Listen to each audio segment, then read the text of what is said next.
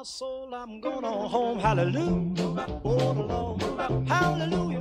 Got to move. One day, I got to move. When this night is over, I want to stick my sword in the sand. I want to go on home to Jesus over in the glory land. I'm moving to the sky in the heavens on a high. Well, then all my life. Tjena! Ehm, välkomna tillbaka till Läs Bibeln med Amandus och Bobbe. Hej hej. Hej hej. Ehm, det här är ju en podd slash eh, vlogg eller något. eh, där man vill läsa Bibeln tillsammans. Eh, och vi läser ju tillsammans här, men vår förhoppning är att ni också ska läsa tillsammans med oss när ni tittar slash lyssnar på det här. Så kul! Vi är i Efesierbrevet. Vi är, oj, hur sa jag det egentligen? Brevjet. Brevjet. Bredvid. Vi kommer ha en rysk prägel på det, dagens avsnitt. Nej, det kommer vi inte. Eh, men vi är i Efesierbrevet eh, och eh, är en bit in i kapitel 4. Ehm, mm, Mm. Närmare bestämt vers 17. Det är korrekt. Så läser vi väl det stycket minst. Ja. Ser vi. Men vi ber innan dess tillsammans. Jag tackar dig här att vi har eh, Bibeln till vårt förfogande, att vi får läsa den. Tack för att du talar genom ditt ord. Jag ber att eh, vi som eh, sitter här och alla som lyssnar ska ha öppna hjärtan. Hjälp oss att förstå och ta emot här. I Jesu namn. Amen. Innan vi börjar så vill vi också säga att alltså, mellan varje avsnitt så vill vi gärna att ni skickar in grejer till oss. Typ så här, frågor, funderingar, glada tillrop blir vi speciellt glada för. Eh, så, kan vi, så att vi också ser att vi, vi gör detta faktiskt tillsammans. Eh, kan man skicka via ELUs Facebook, Instagram, våra mailadresser, Mm. hemsidan. Precis. Mm. Men eh, nu hoppar vi in i Efesierbrevet 4, vers 17. I believe I'm going on home. I wanna walk with the Father. Yes. Ja, då har vi läst. Har du läst? Det är frågan. Om inte så kan du göra det nu. Eh, vi har i alla fall börjat att läsa i vers 17. Och jag har genast en fråga, Amandus. Mhm. Jo, jag tänker så här. Det är ju i Herrens namn varnar jag er därför. Okej, Mm. Därför då är det alltid frågan varför. Eller hur? Det vet vi. Då är min fundering så här. Är det, alltså utgår det därför från det stycket som är precis innan? Alltså att eh, vi ska istället växa i kärlek och eh, kroppen liksom, kroppen byggs upp i kärlek och fogas samman och alla är den här Mm. enheten som Paulus pratar om där. Eller står det i kontrast till typ kapitel 1 och 2, framförallt 2 och så början på trean. Alltså att he, den här liksom snacket om hedningarna som medarvingar. Är det på grund av det? Just för att jag tänker att det är spännande att varningen är liksom lev inte längre som hedningarna. Hmm. Ja, det kan, man kanske inte behöver skilja på dem egentligen. Men min fundering var så här, okej, han har liksom sagt att hedningarna är nu medarvingar. Mm. Ehm, men vi ska inte leva. Ah, okej, jag tänker kanske nu när jag pratar om det så tänker jag mer så här. Hedningarna är medarvingar. Vi har blivit en enhet. Därför ska vi inte längre leva som hedningarna gjorde. Ja, det För att låter vi är nu en enhet. Ja, precis. Det låter väldigt rimligt ändå. Så på något sätt poängterar Paulus först då att hedningarna är lika mycket arvingar som judarna. Ja, Liksom alla är en enhet. ja, Men det innebär inte att man ska leva som man har gjort innan. precis. Utan att vi inte ska leva som hedningar. Han kastar upp och sen så Ja, smäller han till lite grann. Lite så. Ja, han fångar ju in alla på något sätt Ja, först. ja. Och eh, ser till att alla lyssnar. Ja, För nu, det är lite som att eh, först upphöjer han hedningarna lite och, och liksom ger dem lite. Kött på benen eller lite stöd. Typ. De judarna. slår sig för bröstet och tänker mm, Precis. Och sen så kommer detta och så, Ja. så ser han till att ändå alla får. alla, Alla får vara med. samma nivå. ja men det är nog rimligt. Ja, jag bara, det var ju Jag tyckte det var intressant. Ja, för att det, det är ju nästan varje stycke som liksom Mm. börjar med därför. Ja. Så är vi med. Vers 25. Lägg därför bort lögnen. Mm. Eh, Kapitel 5. Bli därför. Och även när vi går tillbaka Ja. tänkte jag på att det står därför. Ja. Han skriver ju liksom i en, en följd på något sätt. Mm. Alltså det blir väldigt tydligt om man tänker så att man, och när man läser det steg för steg så att ja, först så lägger han en grund och sen bygger han lite på den, sen bygger han lite till och sen lite till och sen Mm. så, så har han en lång kedja. Ja men det finns ju verkligen en poäng att inte bara läsa få verser ibland Mm. utan att läsa hela böcker eller hela Ja. resonemang liksom för att Ja, få hela bilden. på något sätt. Jag har ju fortfarande någon sorts, jag har aldrig gjort det, men jag skulle vilja någon gång ha som bibelstudie eller som gudstjänst eller vad man ska kalla det. Att man bara läser ett brev rakt igenom. Sen är det fika. Sen är det färdigt. Ja. ja, det kanske hade gjort någonting med en faktiskt. Frågan är ju om det var det de gjorde. Alltså när man sa, Mm. ja okej, här kom till Efesos liksom. Så bara, ja, okej, nu Mm. kör vi liksom, nu är det 30 minuter, Paulus har skrivit ett brev här. Just det, nu läser vi vad han har skrivit. Ja. Mm. Och sen är de kanske samtalsgrupper efter det. Precis, så det kanske vi ska ha. Ja. Ja. Mm. ja, ja. Men eh, de här hedningarna, hur lever de? Jag tycker det är ganska hårt. ja, det är ganska hårt där. Deras tankar är tomma, deras förstånd är förmörkat. De är främmande för livet i Gud. För att de är okunniga och förhärdade i Mm. sina hjärtan. Avtrubbade kastar de sig ut i orgier och ägnar sig åt all slags orenhet och får aldrig nog. Det är rätt hårt. Det är rätt hårt. Mm. Men vad ska man tänka det så här vi ska se på de som inte är kristna? Alltså, så här de gör? det är ju väldigt hårt. Eller så här, det är inte många som skulle liksom, alltså varken om jag tittar på mina icke-kristna vänner och ska liksom bedöma dem eller vad man ska säga. Eller om de själva skulle titta på den här beskrivningen skulle de ju inte säga att så här är det. Nej. Så här är jag liksom. Eh, mina tankar är tomma och förståndet är förmörkat. Och jag kastar mig ut i utsvävningar liksom. Mm. Men, brasklapp till alla mina icke-kristna vänner som lyssnar eller tittar på detta. Jag älskar er. Okej. Eh, men, det finns ju en, ändå, tänker jag, alltså beskrivningen av meningslöshet på något sätt Mm. är ju ändå sann. Mm. Alltså, ehm, Det här att de aldrig får nog. ja men lite så att allt det här andra, eller om man säger att förståndet är tom, tankarna är tomma, förståndet förmörkat och sånt. Allt det är liksom symptom på något sätt av att de, de har ingen mening och därför får man heller aldrig nog. Alltså du söker, jag tänker på vårt samhälle idag som är så sjukt meningssökande. Mm. Man ska liksom skapa, förverkliga sig själv och hitta meningen med sitt liv och Mm. hitta meningsfulla grejer att göra så. Ehm, och så samtidigt så får det blir liksom aldrig tillräckligt. Alltså de som, de som är riktigt framgångsrika säger ju ändå att Mm. det var ingenting. Liksom. Eller så här, ja det var gött men det hjälpte inte. Eller man. Nej.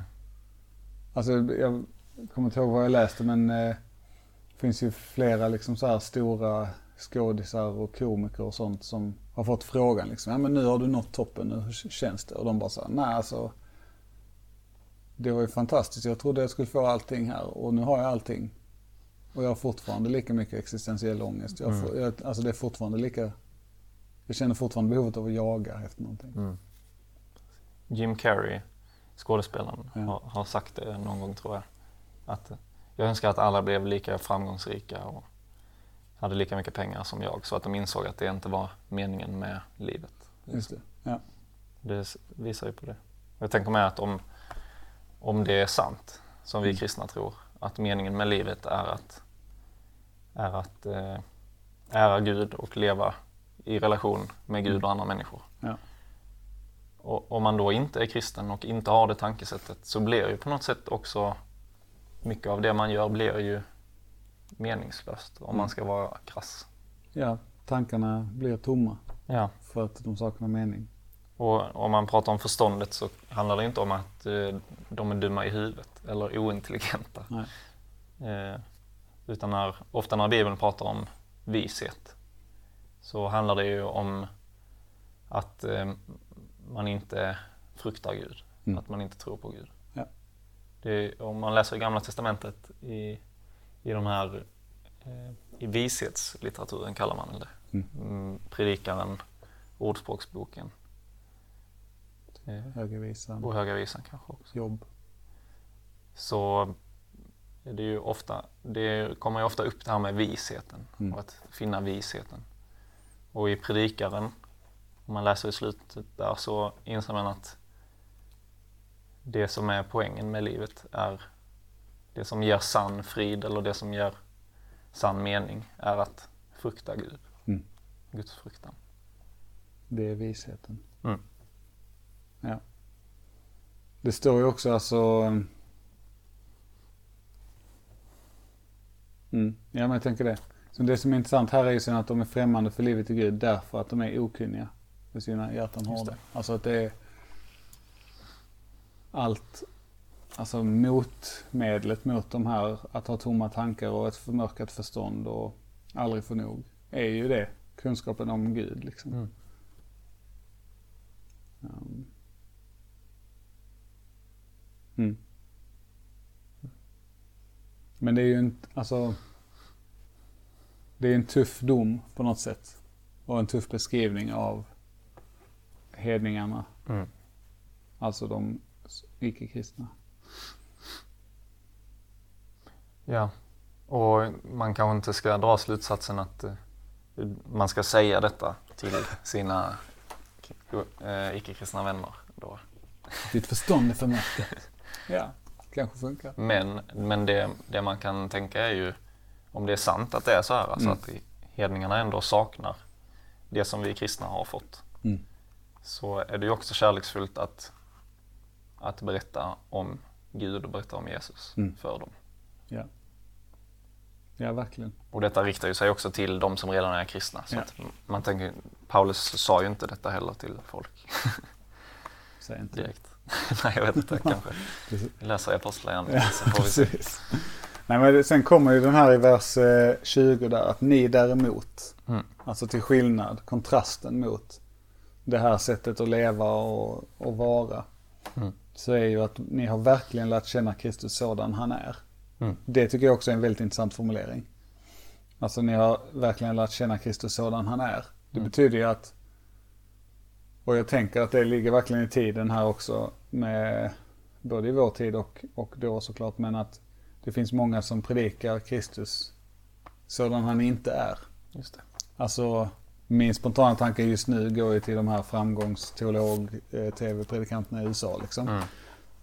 Men det finns ju massor med, med liksom, eh, ska man kalla dem semi eller quasi-kristna rörelser där man har så här, ja man har tagit delar av den kristna tron, men kanske inte helheten. Nej. Man har inte Kristus så som han Nej, precis. verkligen är. Nej, precis. Det tycker jag är en intressant, jag vet inte alls om det är så, om det är liksom det Paulus tänker på här, men Mm. eh, men för jag tänker på hur mycket det talas i Nya Testamentet om liksom falska lärare och sånt. Mm. Det.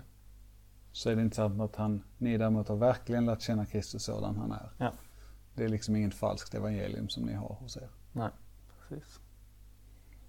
Och även om man tänker i, i kontrast till hedningarna Mm. så har ju de också säkert föreställningar om vem Gud är och vem, vad Jesus har gjort. Ja.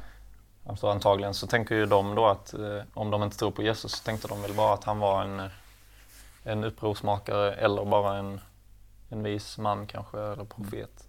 Känns igen. Men Jesus var ju mycket mer än så. Ja, de eh, tankarna känns ju igen från vår tid. Ja. Också. Precis. Mm. Och det är ju också någonting som man kan göra som kristen, bryta de fördomarna och berätta vad Jesus faktiskt har gjort. Mm. Eller Det är en sån klassisk grej när någon frågar om du tror på Gud så kanske man inte alltid ska svara ja det gör jag. Ja, just det. Utan man också frågar vad, vad menar du när du säger Gud? För om deras föreställning av Gud är att han är ond och eh, väldigt otrevlig. Mm. Så är det ju inte den guden jag tror på. Precis. För jag tror på en gud som älskar och som är god. Ja. Och då måste de ju få höra honom förkunnas och bli undervisade i honom enligt den sanningen som finns hos Jesus. Mm. Mm. Det var helt min egen formulering. Inte alls taget från vers 21. Nej men det, är, alltså, det är så tydligt. Jag tycker ofta att Paulus har liksom den här underliggande missionskallelsen på något sätt. Mm. Alltså om man väljer att läsa hans texter utifrån missionstanken. Så är det så här, ni har fått höra honom förkunnas och blivit undervisade i honom enligt den sanning som finns hos Jesus. Det står ju också i kontrast till alltså de tomma tankarna och det förmörkade förståndet. Mm. Och att de är främlingar för livet i Gud därför att de är okunniga. Mm. Okej, men hur gör vi dem inte okunniga då? Jo, vi förkunnar för dem och sen undervisar vi dem Mm. om den sanningen som finns hos Jesus. Precis. Och då, om man följer bara texten vidare, så tänker jag att då lämnar man sitt förra liv, lägger av den gamla människan och förnyas till ande och sinne. Alltså att det är liksom Det är så tydligt att det finns ett eh, Det finns ett system för hur saker händer här på något sätt. Mm. Tycker jag. Eh, Att ordet måste förkunnas och sen så då kommer man till tro, då måste man undervisas. Och genom förkunnelsen och undervisningen så händer det saker. Ja. Då förändras livet. Ja, precis. Mm, det, är, ja, det är väldigt tydligt faktiskt att det är på något sätt där det, det är där det skiljs åt mellan hedningarna och de kristna i den här texten. Mm. Att de har fått undervisning. Att de har lärt känna sanningen som finns hos Jesus. Mm. Och det har inte hedningarna gjort. Det, kom, det är ju redan alltså tidigare här i vers 15 så ska vi istället i kärlek hålla fast vid sanningen. Mm. Ehm, och vi ska i vers 13 enheten, tron, kunskapen om Guds son. Alltså det är så här. Mm. ehm, det kommer väl ännu tidigare här. Jag känner hem, det här med hemligheten som ska bli uppenbarad och så vidare. Att det är verkligen någonting man det är någonting som är dolt. Mm. En sanning, en kunskap som är dold. Och nu känner jag mig nästan lite så agnostisk, prata om hemlig kunskap så, men tur att jag inte är agnostiker. Men som liksom genom förkunnelse och genom undervisning så kan vi komma fram till den sanningen. Mm. Och då händer alla de här feta grejerna. Ja. Som Gud vill göra med lärjungarna. Mm. Ja, ska vi prata om de verserna som kommer där? Ja. vers 22 och framåt.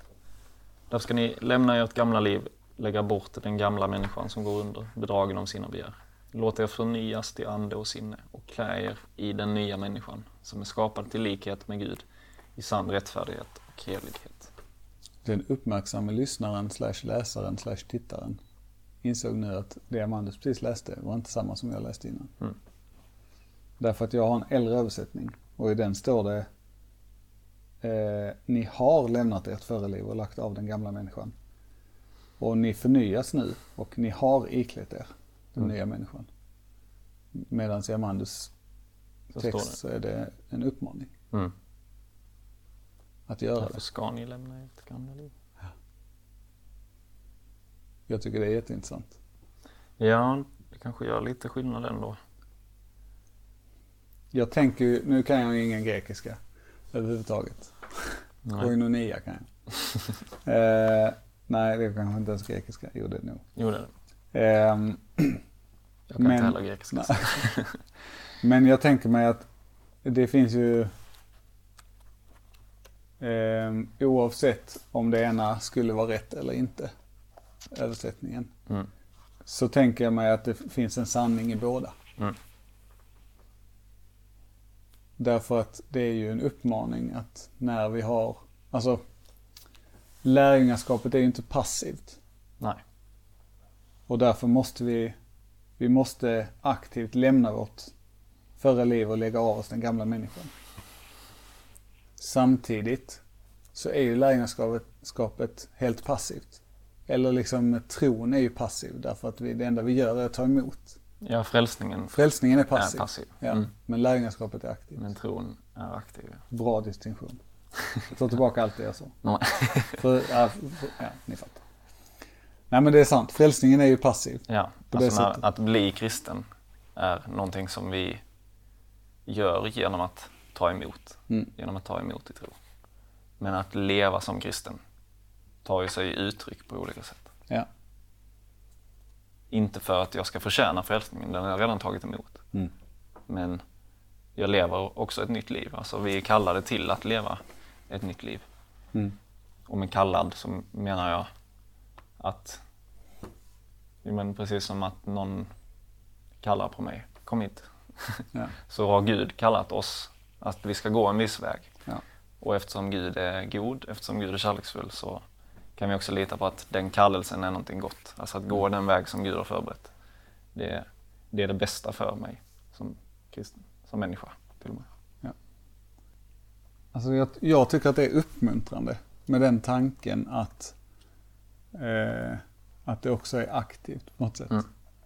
Eh, för att då blir det ju, eller vad man säga, om man är lite som jag så gillar man ju att prestera. Kanske man gillar att liksom göra saker. Eh, och därför är den kristna tron på ett sätt jättesvår. Mm. För att det handlar om att jag kan inte. Mm. Precis. Ehm, och därför behöver jag frälsningen. Men sen får man också vara liksom glädjas över att okej, men jag har massa grejer som jag kan. Som Gud har lagt ner i mig. Och de vill Gud använda och då får jag vara med på det. Mm. Ehm, och jag får liksom lägga bort mitt gamla, alltså jag får arbeta på de här grejerna tillsammans med Gud. Mm. Det tycker jag är häftigt. Ja, jag tänker med, det behöver inte bli något lagiskt över det. Bara för att det handlar om att göra saker. Nej, precis. Det är ju, alltså, ja. Skillnaden, eller på något sätt så måste vi ju se att Gud är god och Gud har en god vilja för oss. Ja. Och att leva enligt hans vilja är ju inte främst för att vi ska få räddning. Utan Nej. det är ju för att det är det bästa för oss. Precis. Det är, det, det är ju så Gud skapade världen för att människan skulle leva eh, i en god värld där människor lever på ett gott sätt. Mm. Så Guds vilja är ju verkligen gott. Ja. Och jag tänker det är det som är nu, den här vers 24 är ju att då i min, ni har iklätt er den nya människan som är skapad till likhet med Gud. Alltså det är på något Mm. sätt återgången till, till originaltillståndet. Ja. Jag pratar ofta om det när jag undervisar och sånt men jag, för mig är det verkligen någonting centralt på något sätt. Att så här, Gud skapar, allting är perfekt, alltså allting är gott. Mm. Gud säger det själv, han säger till och med att det är mycket gott. Mm. Sen skiter det sig. Men målet är liksom inte att så här, städa lite utan målet är att det ska återgå till det som var mycket gott. Mm. Det är ett nytt Ja, liv. det är fett. Precis. Har vi pratat om gamla och nya människan förut i denna podden? Det har vi nog inte. Kanske lite. Ja, jag Men eh, om, man kan ju bara förklara vad det menas med kanske. gör det. Om vi försöker det. Try. Men eh, den gamla människan, står det ju, Mm. går under, bedragen av sina begär. Det handlar på något sätt om att kanske leva på det sättet som det beskrivs att hedningarna gör. Mm. Att man, man drivs av egoism, man drivs av det som man själv vill ha och man roffar åt sig. Och man lever på ett osunt sätt helt enkelt som Mm. gör att man går under på grund av sin synd. Den gamla människan är ju den syndiga människan Mm. så att säga. Eh, och den syndande människan.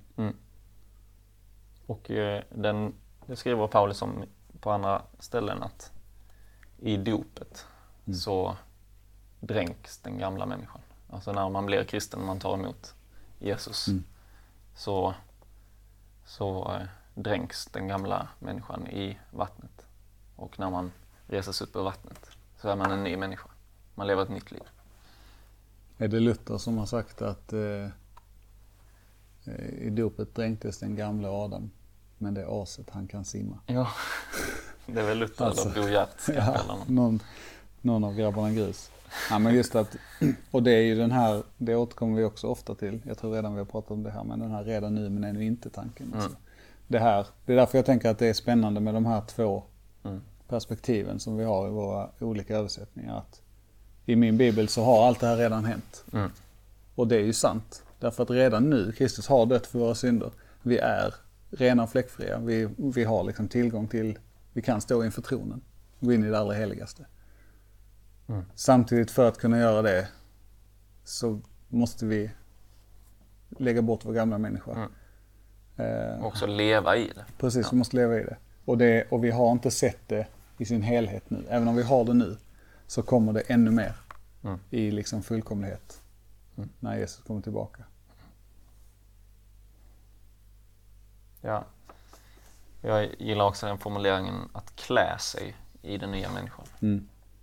För det, det blir så tydligt att man får en annan, en annan identitet eller skepnad. Typ. Mm. För vissa är det ju väldigt viktigt hur man klär sig och man lägger väldigt mycket sin identitet i sina kläder.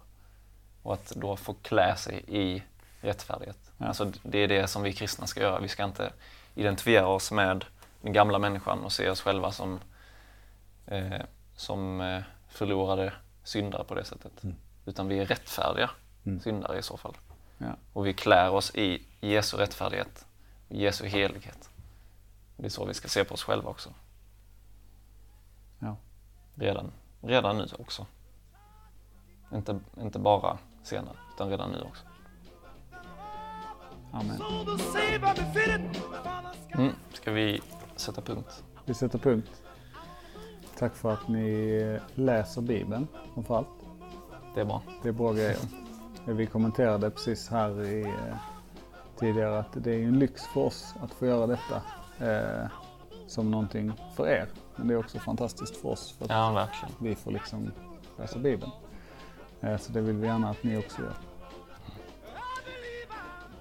Eh, annars, eh, som vi sa innan så hör gärna av er. Via våra sociala medier eller mejladresser eller ni som eh, har våra telefonnummer och sånt kan ringa eller smsa. Ja, Så är det. Ha det gött så ses vi nästa gång. hej då.